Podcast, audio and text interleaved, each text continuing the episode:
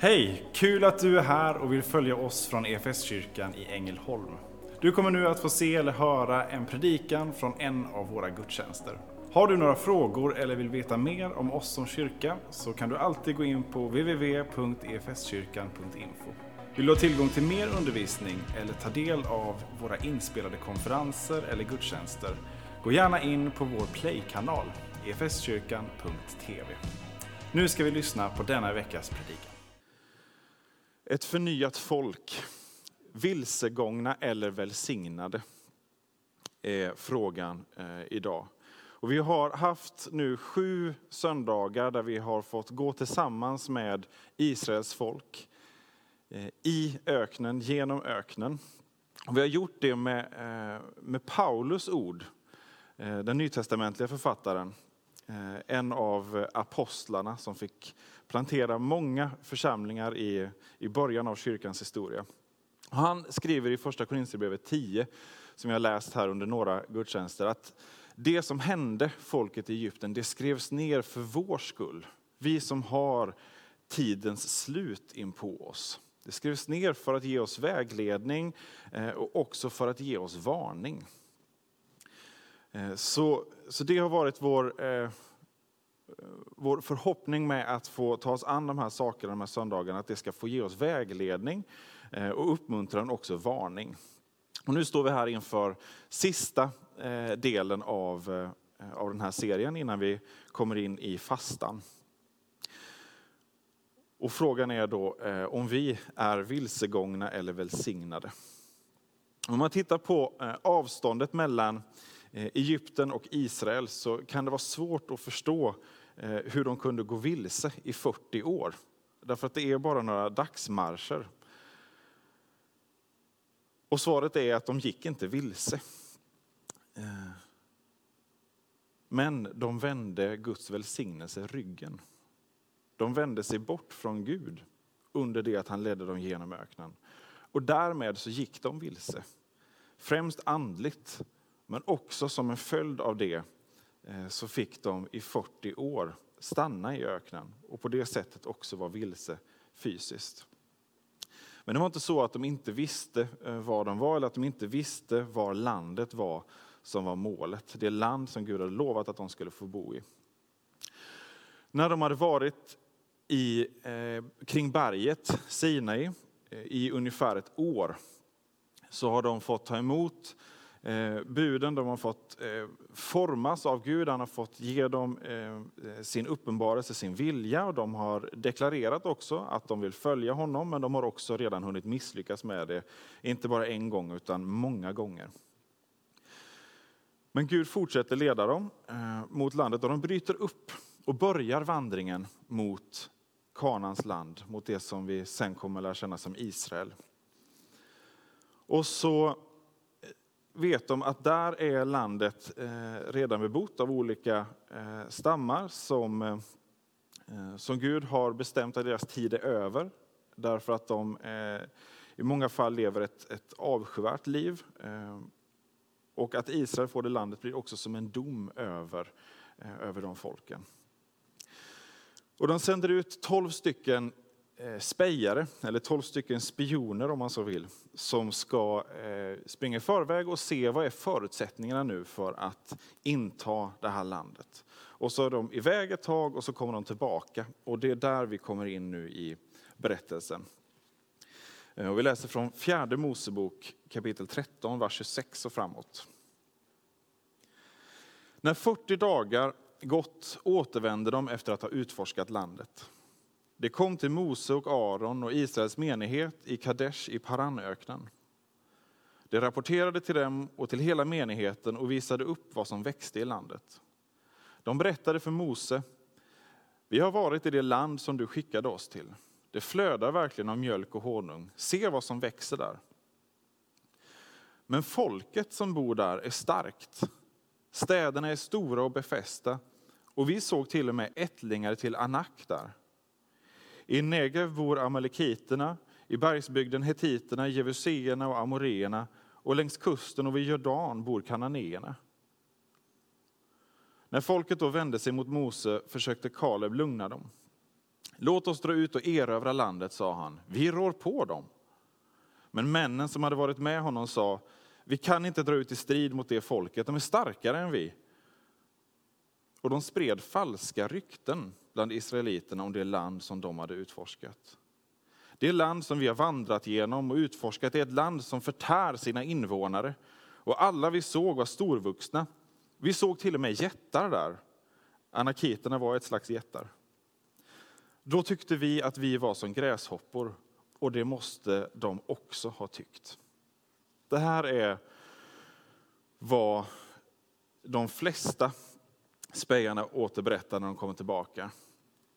Tio stycken av tolv säger det här kommer inte att gå. De såg att Guds löfte stämde. Det såg alla de tolv spejarna. De såg att Guds löfte stämde. Det här är ett land som eh, har eh, mat och, eh, och möjligheter i överflöd. Det som växer där är, är stort och det är ett, ett fruktsamt land. Där finns verkligen möjligheten att bo och leva gott. Till skillnad från Egypten, till skillnad från i öknen, i vildmarken. Så de fick verkligen kvitto på att Guds löfte stämde. Och samtidigt, vilket också Gud hade berättat för dem, så finns det folk där, men när de får syn på dem så är det så att de tappar, de tappar blicken, de tappar perspektivet.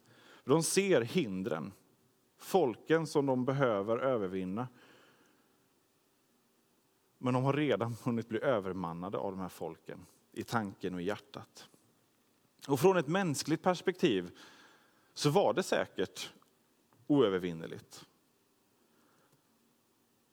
Det var säkert eh, omöjligt ur ett mänskligt perspektiv, men det finns två stycken av de här spejarna som har ett annat perspektiv, som har Guds perspektiv och som håller fast vid det löftet som han har gett dem.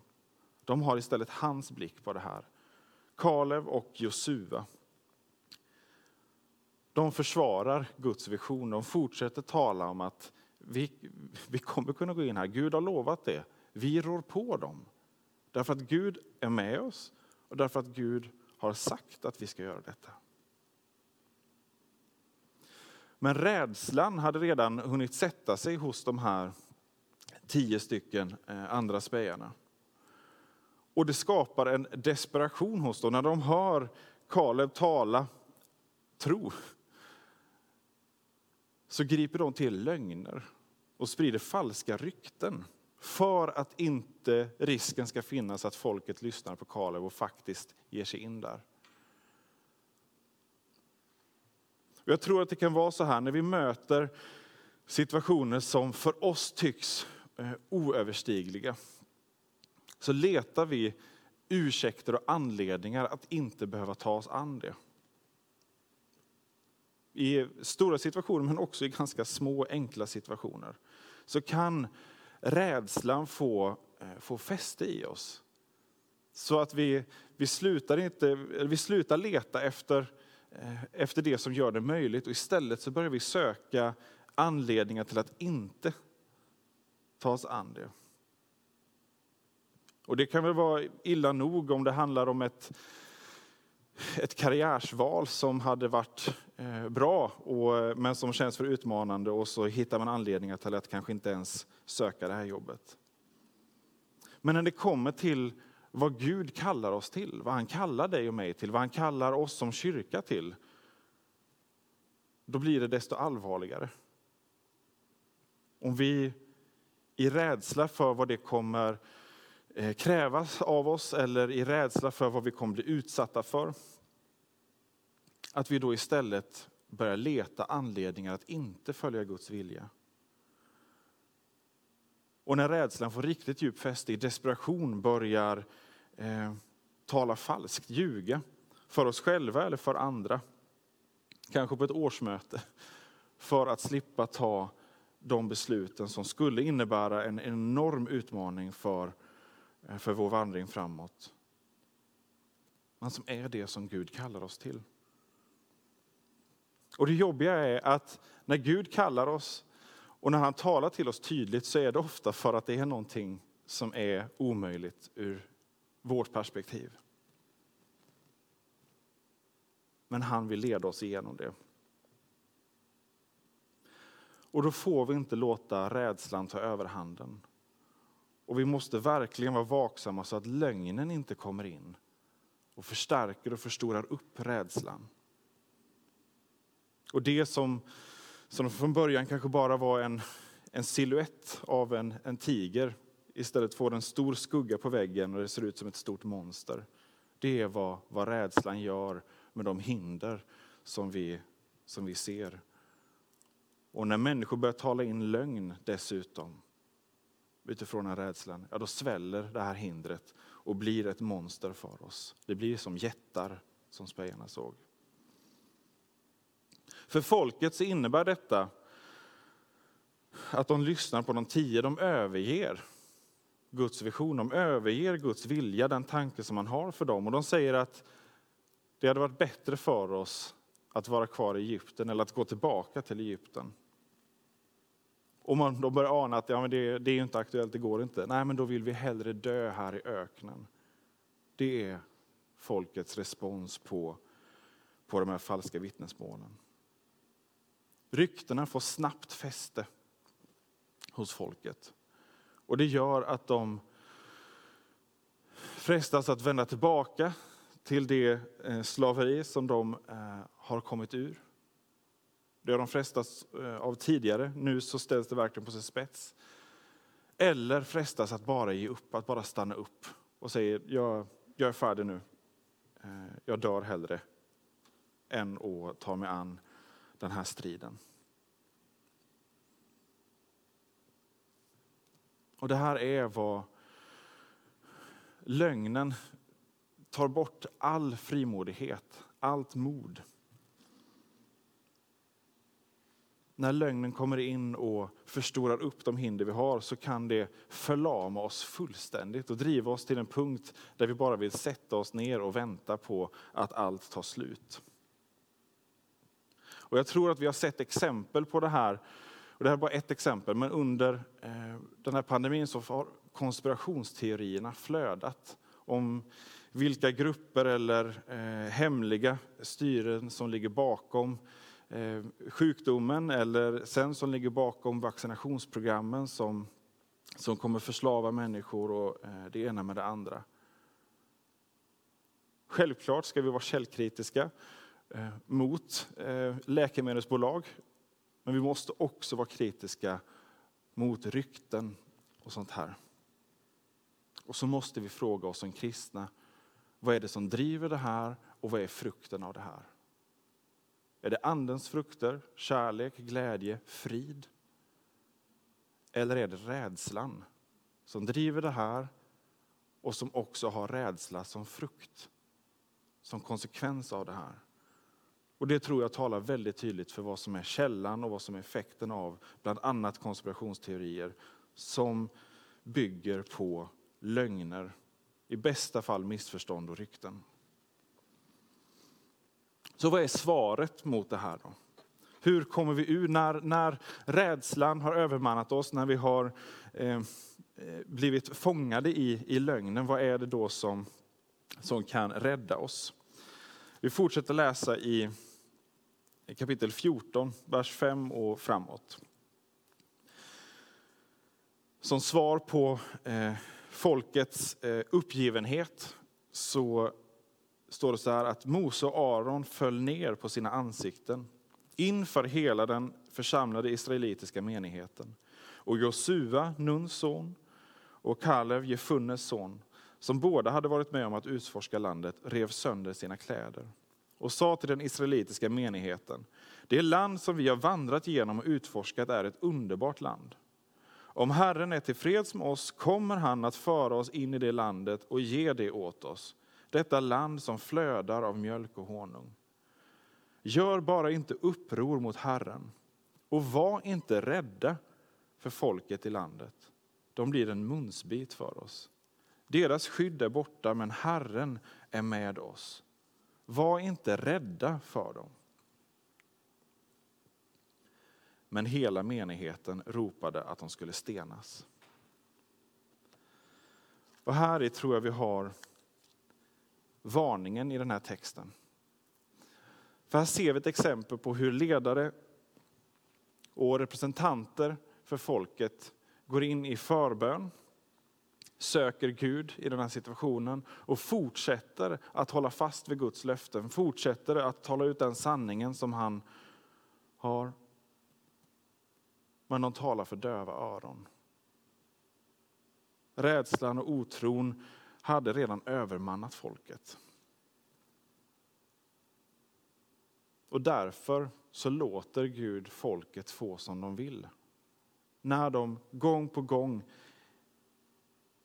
med varning efter varning, med uppmuntran efter uppmuntran, ändå inte överger lögnen. Ändå inte går i tro på hans ord. Så låter han konsekvenserna drabba dem. Och han säger, ni behöver inte gå in i landet. Ni blir kvar här. Och där följer 40 år i öknen.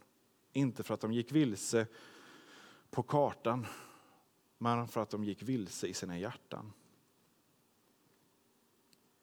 Och de får, som de ville, låta bli att ta tag i den välsignelse som Gud ville ge dem. Det löftet som han hade för dem. Och de blir kvar i öknen. Och istället får en ny generation komma in i landet, nästa generation. Barnen drabbas inte lika hårt av sina föräldrars val.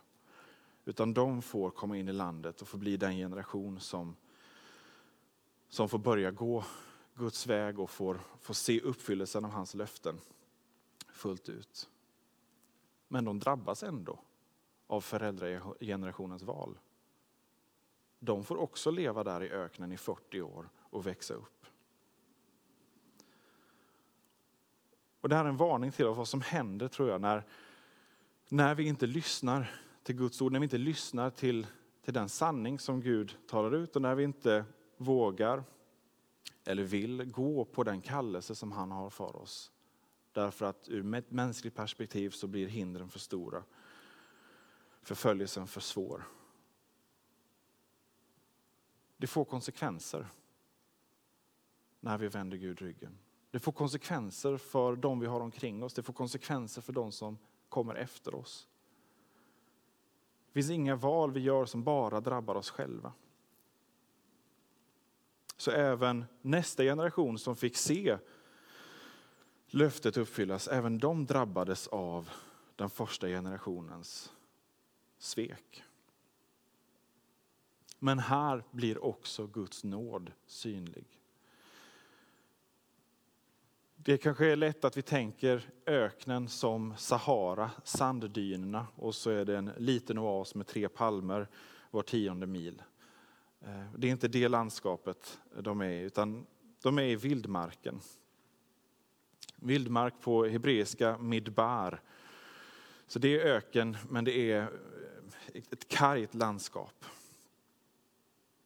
Och i det landskapet så har Gud ändå inte övergett dem. Trots att han låter konsekvensen av deras val och på det sättet respekterar deras val drabba dem så, så är han ändå nådefull och förser dem med det de behöver. De är inte i ett land där det flödar av mjölk och honung. De har inte överflöd, men de har tillräckligt.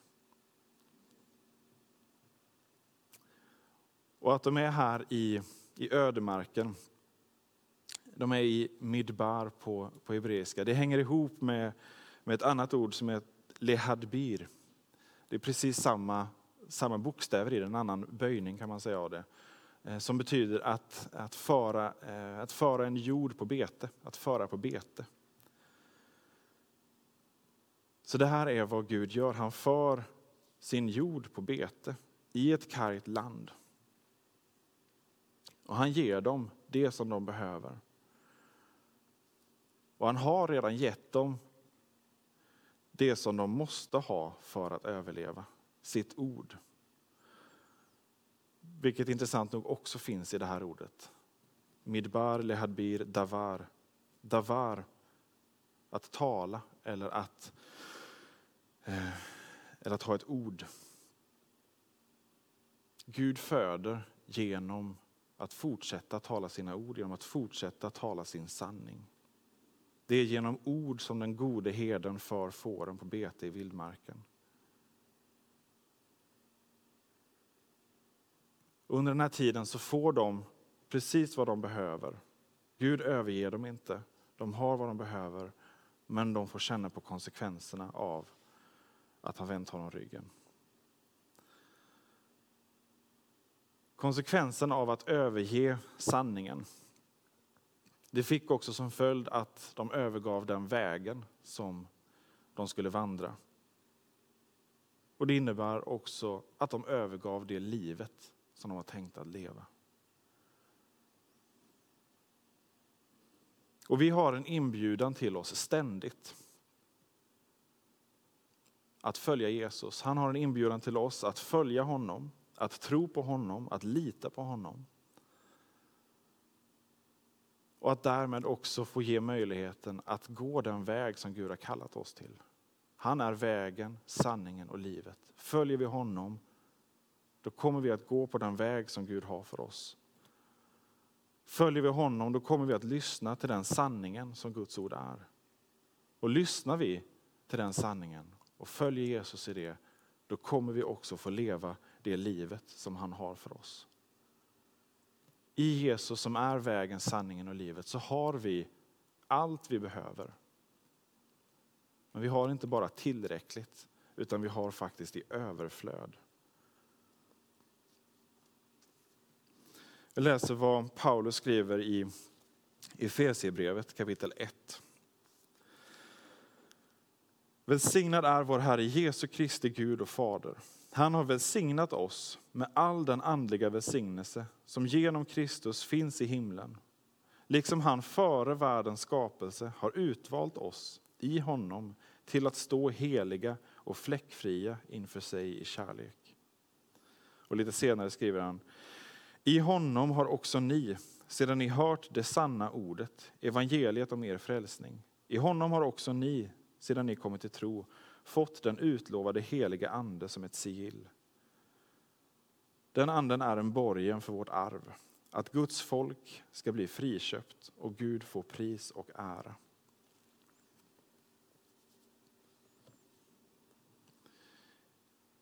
I tron på Jesus om vi följer honom, om vi lyssnar till honom, så har vi all välsignelse, allt vi någonsin behöver. Men om vi väljer att inte lyssna till honom, om vi väljer att inte följa honom, så är vi vilsegångna. Vi kan ha all världens framgång i livet, i karriär och annat, men vi är ändå vilse om vi inte följer honom. Därför att det är bara när vi följer honom som vi får finnas på den väg som är vår kallelse, som är vår, eh, vår väg i det här livet. Meningen med livet. Det här är meningen med livet. Att följa Jesus. Därför att han leder oss på den väg som vi är kallade till att vara, som vi har haft som kallelse från, från världens skapelse. Men som har blivit bruten gång på gång på gång av att människor, av att vi vänder Gud ryggen. Men här finns nåden. Här finns möjligheten att inte stanna kvar i öknen, att inte vara utlämnad åt ödemarken utan att faktiskt få kliva in på vägen igen när vi vänder oss till Jesus, när vi vänder oss om till honom. Och i livet här och nu tillsammans med Jesus så får vi också en försmak på det landet som väntar. Paradiset, tillvaron tillsammans med Gud där ingen ondska, ingen synd längre finns, som väntar efter vår ökenvandring här. Men låt oss då få få gripa tag i det här redan nu. Att bli förnyade här och nu. Så att vi inte väntar på att nästa generation blir den generation som vänder sig till Gud. Vi har möjligheten och all anledning i världen just nu att vända oss om till honom. Att be om att få bli förnyade. Be om mod att få övervinna varje hinder som ligger i vår väg. Be om modet att få lyssna på hans löften till oss. Lyssna på den kallelse som han har för dig och för mig och för oss som folk. Att gå på den kallelsen här och nu. Så låt oss välja att lyssna på dem som talar tro och hopp och som talar Guds löften in i våra liv och där frukten är frid och tro och hopp. Istället för att lyssna på det som, som matar oss med rädsla och som lever på vår rädsla. Den fullkomliga kärleken driver ut all rädsla, står det i första Johannesbrevet. Den fullkomliga kärleken driver ut all rädsla. Den fullkomliga kärleken får vi bara tag i när vi väljer att tro på Jesus och bjuder in honom i våra liv. Då kommer också rädslan att få ge vika. Som kyrka är det en glädje att få spela en liten roll av allt Gud gör i och genom ditt liv. Vi vill gärna fortsätta följa dig på den resan.